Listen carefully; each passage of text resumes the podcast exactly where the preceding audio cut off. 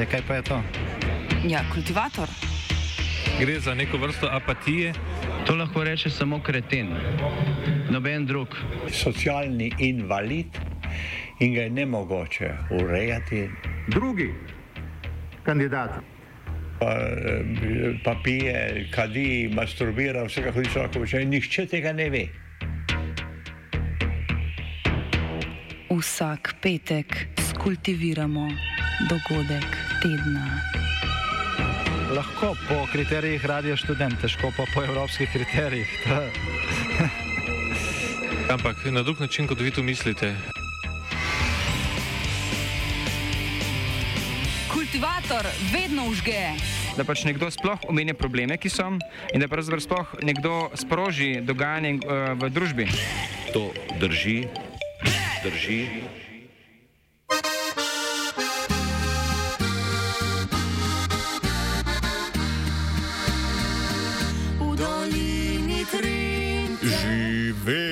Si na robe.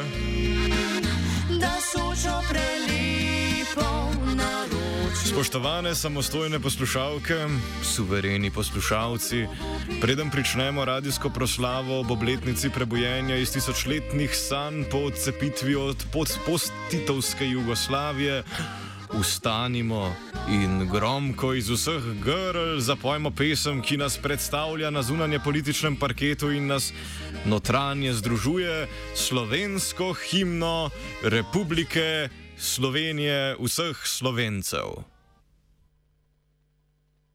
Prebudi se, prebudi se Slovenija, prebudi se, prebudi se čas je že. Prebudi se, prebudi se Slovenija, prebudi se, prebudi se. Prebudi se, prebudi se Slovenija, prebudi se, čas je že. Prebudi se, prebudi se Slovenija, prebudi se Slovenija. Prebudi se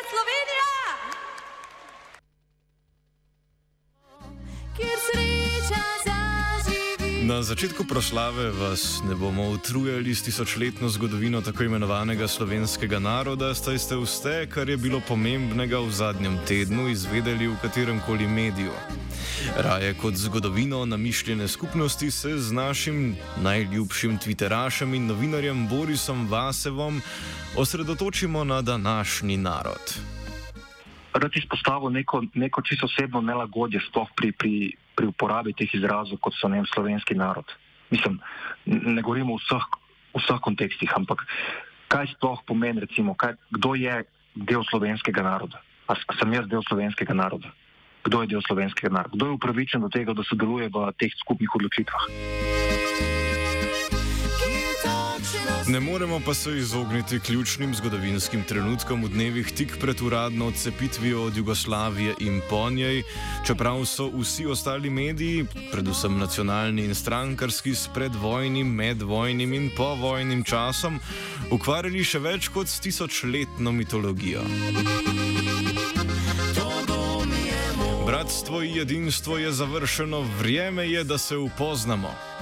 Medtem ko bodo politiki in govorci na obeh ostalih proslavah, zastraženi domačijski veselici na Trgu Republike in kolesarskem protestu na Preširnovem trgu, govorili o nekdanji enotnosti in bodoči spravi, se raje spomnimo na besede enega in edinega pravega osamosvojitelja Slovenske demokratske stranke, Janeza Janše.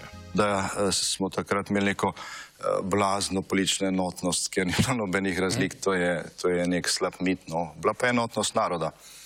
In uh, ko gre za enotnost naroda, uh, empirično dokazana z rezultatom na plebiscitu, je pač jasno, da je bil to uh, ključen dejavnik, zaradi, uh, ne samo, zaradi katerega smo se ne samo osamosvojili, nam je uspelo, ampak zaradi česar smo plačali tudi relativno nizko ceno. Če te enotnosti ne bi bilo, je veliko vprašanje, kaj bi bilo s končnim rezultatom osamosvojitvenega procesa, predvsem pa eh, ne, kdaj bi prišli do tega koraka in kakšna bi bila cena.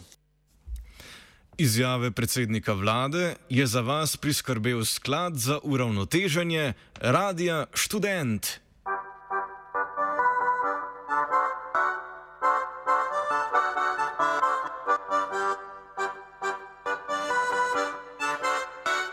Študent. this record as frequently as possible.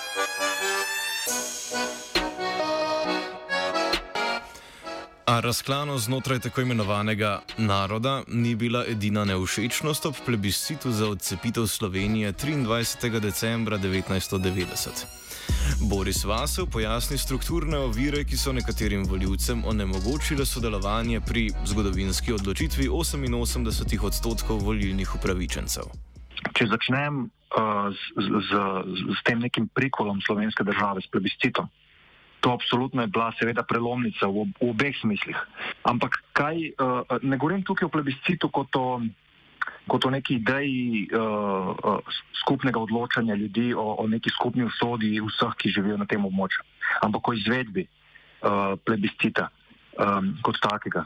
Uh, spomnimo se, kako je prišlo do izbire datuma, kdaj naj se plebiscit izvede. Um, Jože Pučnik, ki se ga bom rekel, v medijih in v politiki časti, pravzaprav v veliki meri nekritično, uh, kot nekega velikega demokrata, velikega državnika, velikega borca proti zatiranju uh, in tako naprej. Uh, on je predlagal uh, in je prišel na to neko zvito idejo, da naj se plebiscit izvede konc decembra, 23. decembra. Zakaj? Zato, ker je takrat po, njegovem, po njegovih besedah najmanj v Sloveniji najmanj ljudi, konkretno delavcev, uh, ki živijo oziroma so živeli v Sloveniji leta, desetletja, ampak so prihajali iz drugih republik. In so v tem času pred novim letom šli, šli nazaj v, v, v te druge republike. In, in seveda niso potem uh, mogli glasovati.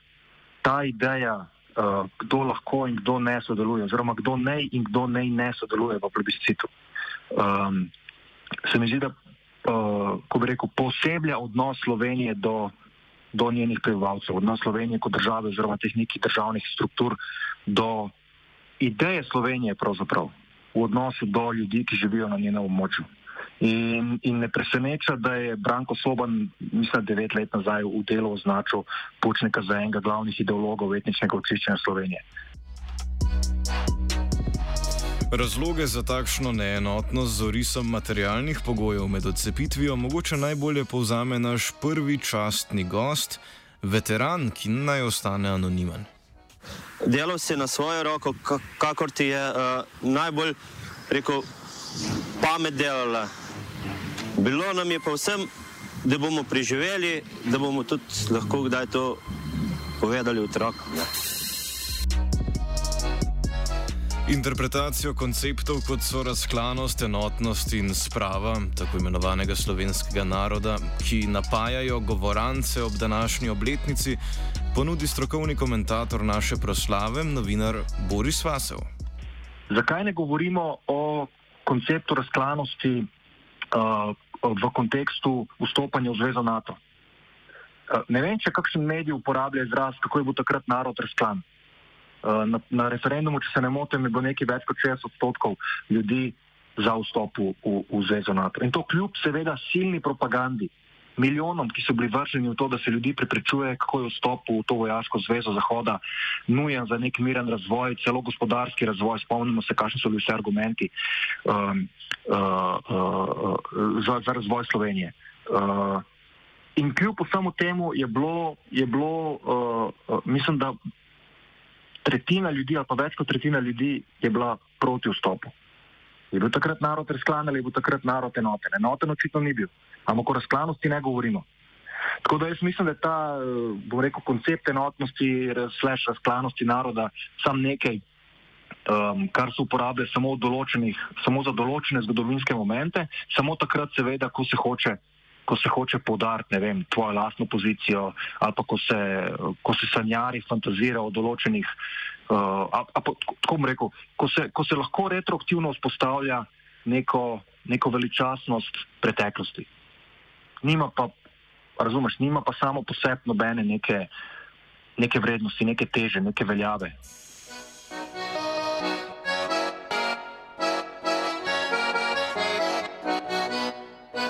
Da razklanost ni le neka ideja v zraku, temveč kruta realnost, dokazuje britka epizoda še enega gosta, vojnega veterana, ki bi zaradi družinske razklanosti med odcepitvijo skoraj da ostal brez sestanka z Antonom Moris Krkovičem, enim največjih osamosvojiteljev, če sploh lahko komu, razen Janezu Janši, tako rečemo. Pa en večer pokliče, eh, mislim, da ena ženska se predstavi kot Irena in pravi, enča bi rada. Meni je to nekam čudno delovalo. In sem rekla, ja, kako, katerega enča. Ja, enča prav, ali pa kar naročite mu, naj eh, zvečer ob 11. pride na otočec. Pa sniži, vedel, zakaj se gre. Sem rekel, da sem telefon, ma kaki telefon, ne moreš ga dobu. Ma čakaj, ja vem, ti to, moram jaz se pogovarjati. In nekako se dogovorimo, da vem telefon, prav ob enih uh, imaš sestanek uh, na otočcu, ne, stone tam, ne. Takrat je meni seveda se vse porušil. E, za Ireno ta umestni člen nisem vedela in sem pač odreagirala kot žena. No, kašno točec, kašno Irena. To tede je bilo pa uh, gusto. Ne? Jaz sem vedel, da moram jeti in da moram tam biti, ne? samo kako zdaj. Ne? In ona se odloči, da grem izraven. Pet. Ne? Če pustimo notranjo razklanost ob strani, ima naša trenutna domovina Republika Slovenija, kakorkoli rožnato in dehtečo jo morda poskušamo narisati ob začetku krize srednjih let, več temnih madežev v odnosu do tujcev in nedržavljanov. Vzdržimo se karanja 30-letnice za objestna dejanja, ki jih je pijana od Evropske unije počela v zadnjih šestih letih z nezakonitim vračanjem migrantom čez Kolpo. Še posebej temačno obeležje je Republika Slovenija pridobila še preden je dopolnila eno leto. 26. februarja 1992 je namreč izbrisala 25.671 ljudi. Da ohranimo ravnotežje, saj nam naš in vaš predsednik vlade predstavi, oziroma naj nam naš in vaš predsednik vlade predstavi, kako so videti dogodki v zvezi z izbrisom z perspektive strankarskega in edinega pravega domoljubja. To so bili eh, vojaki bivše jugoslovanske armade, eh, ki so tukaj služili vojsko, regruti, ki niso imeli stalnega bivališča in jih pač ne moramo šteti v to kategorijo. Teh je bilo okrog 10 tisoč, ostalih približno 20 tisoč, pa so bili oficiri, podoficiri in civilni uslužbenci nekdanje jugoslovanske armade in mnogi člani njihovih družin. Tega je bilo okrog 20 tisoč. In večino teh, veliko večino teh, ni odjavila stalnega bivališča. E, ni vzela slovenskega državljanstva, ni si uredila stalnega ali začasnega bivanja po zakonu o tujcih, ki je bil sprejet junija leta 1991 in februarja leta 1992, ko so ti roki potekli, enostavno teh ljudi ni bilo tukaj, niso se pa tudi od, o, o, odjavili, zato so bili v registru pač odveč nek višek, niso bili ne ne eh, državljani, ker niso hoteli slovenskega državljanstva, niti se niso registrirali kot tujci. Hvala, gospod predsednik vlade. Uravnotežil ga bo Boris Vasev. Srednja prelomnica, ki je bila seveda neposredna posledica tega razmišljanja, je bil izbris 26. februarja 1992. Verjamem, da poslušalci RS-a dobro poznajo, kaj se je takrat zgodilo, kakšne so bile posledice za 25.671 ljudi. Uh, in in um, ta izbris, mislim, da še enkrat, um, kot, kot oblika administrativnega etničnega čiščenja, presega, uh, presega pravzaprav to, uh, bom rekel, izključevanje na ravni etnične pripadnosti, ampak, ampak povzema ta odnos Slovenije do, do ljudi na njenem območju. Kdo je, lahko, kdo je upravičen do tega, da je del nas in kdo ni do tega upravičen. V duhu državotvornega praznovanja presekajmo golo teorijo in se posvetimo eni izmed slovenskih najljubših gospodarskih dejavnosti po tranziciji, ki odlično pokaže odnos Slovenije do tujcev, to je turizmu. Spomnimo se na predhodnika skoraj že ustanovljenega tu slovenskega turističnega holdinga, pripor za vojne ujetnike med odcepitveno vojno. Kada smo zarobljeni, odnosno kad smo se predali, se stvarno odlično odnosili prema svima nama.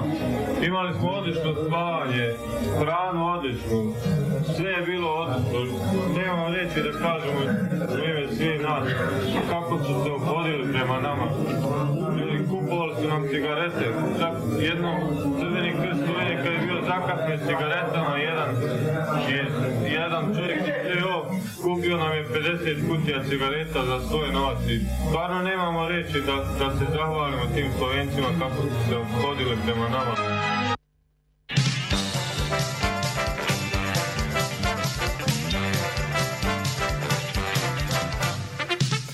Nagradno vprašanje za odcepljene poslušalke in samostojne poslušalce: kako postati turistični baron?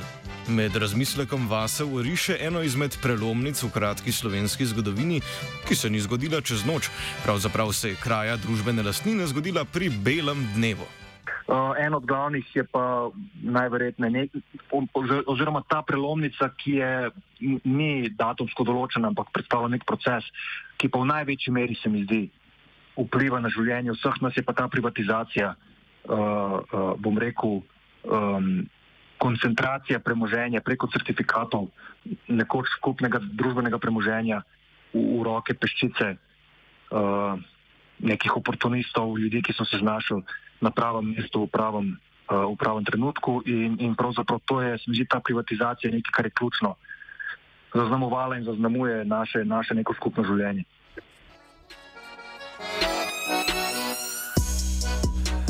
Nič ne de, drage davkoplačevalke in cenjeni davkoplačevalci, osamosvojitelji so pred privatizacijo za nas na bojišču pustili dušo, srce in telo. Prisluhnimo. Vročina je bila, klopo sem jo, jaz sem imel po 3-4 klope na dan gor, mi jih je en, en lovc, naš kolega, mi jih je dol. Ne.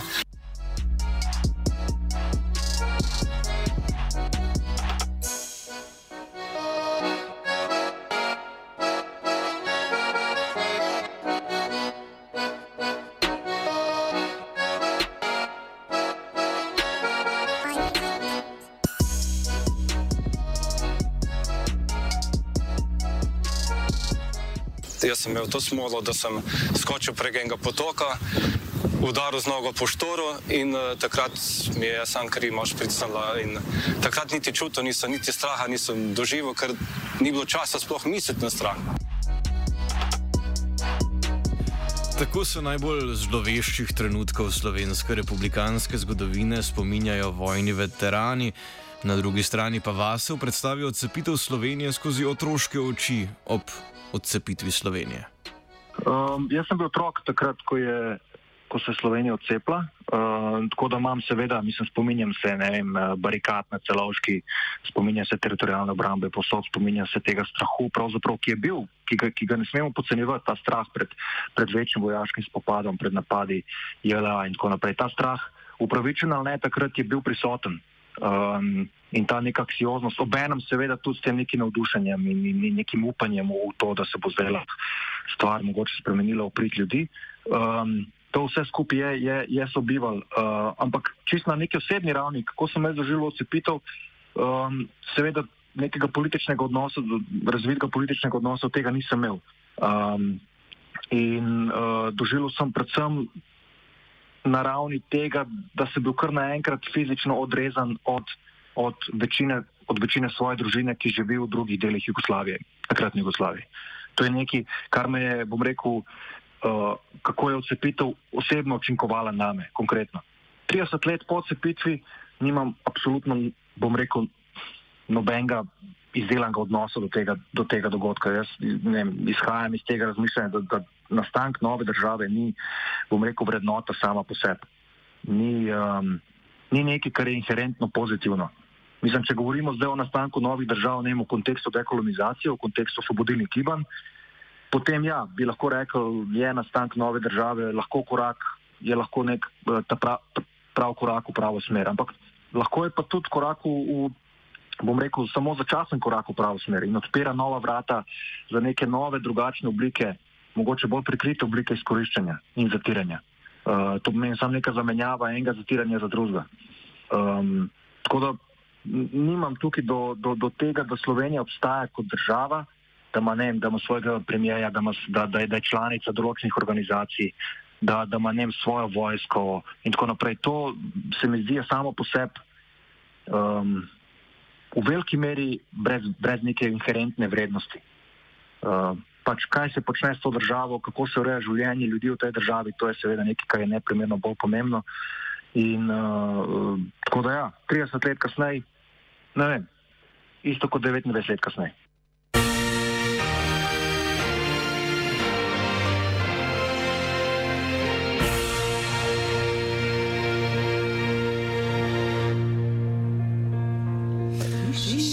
Pri koncu gremo. Kot se za vsako slabo premišljeno proslavo spodobi, bomo na kratko razmislili še o prihodnjih treh desetletjih ozemlja, ki mu danes rečemo Republika Slovenija. Nekaj, na kar pa se mi zdi, da lahko Slovenija vpliva uh, in njeni politični odločevalci, je pa ta odnos uh, med, med, med javnim, med skupnim in med zasebnim. Uh, tukaj se je zadnjih 30 let seveda Slovenija odmikala od, od skupnega v prid, v prid zasebnemu, priča smo, priča smo um, uh, razgradnji, uh, bom rekel, te same ideje, da, da nekaj delimo z nekom drugim. Um, in, in vse se mora nekako partikularizirati, vse mora postati uh, ograjeno. Mislim, sej, glej, žica na meji je, če, če malo poenostavim, odraz tega, tega načina razmišljanja. Uh, in in ta, ta odnos med zasebnim in med javnim se mi zdi, da je nekaj, kar, kar kako ne rečem. Ja, pač je neki ziv, ki pa mislim, da se ga da preseči, ki se ga da, da premagati. Tako, to, to je nekaj, o čemer. To, to, to je pravzaprav smer, v kateri bi Slovenija morala delovati. Uh, krepitev javnega, omejevanje zasebnega.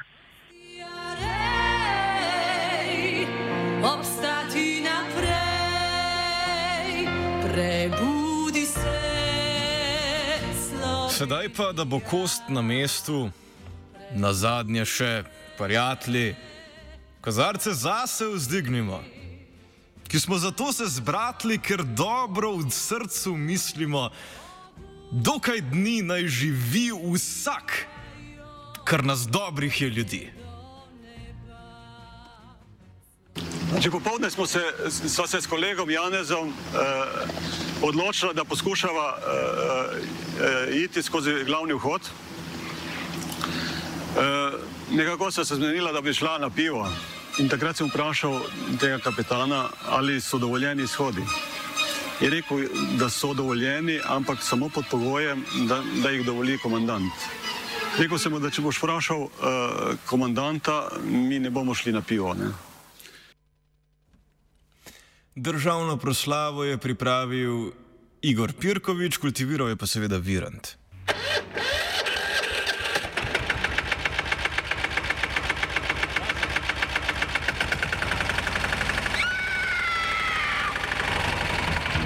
E, kaj pa je to? Ja, kultivator. Gre za neko vrsto apatije. To lahko reče samo kreten, noben drug. Socialni invalid in ga je ne mogoče urejati. Drugi kandidat. Pa, eh, pa pije, kadi, masturbira, vse kako hoče lahko počne. Nihče tega ne ve. Vsak petek skultiviramo dogodek tedna. Lahko po kriterijih radio študent, težko pa po evropskih kriterijih. Ampak na drug način, kot vi to mislite. Kultivator vedno užge. Da pač nekdo sploh omenja probleme, ki so, in da pravzaprav sploh nekdo sproži dogajanje uh, v družbi. To drži, drži. Če ne bi bilo Janeza Janše, bi imel veliko več lega kock.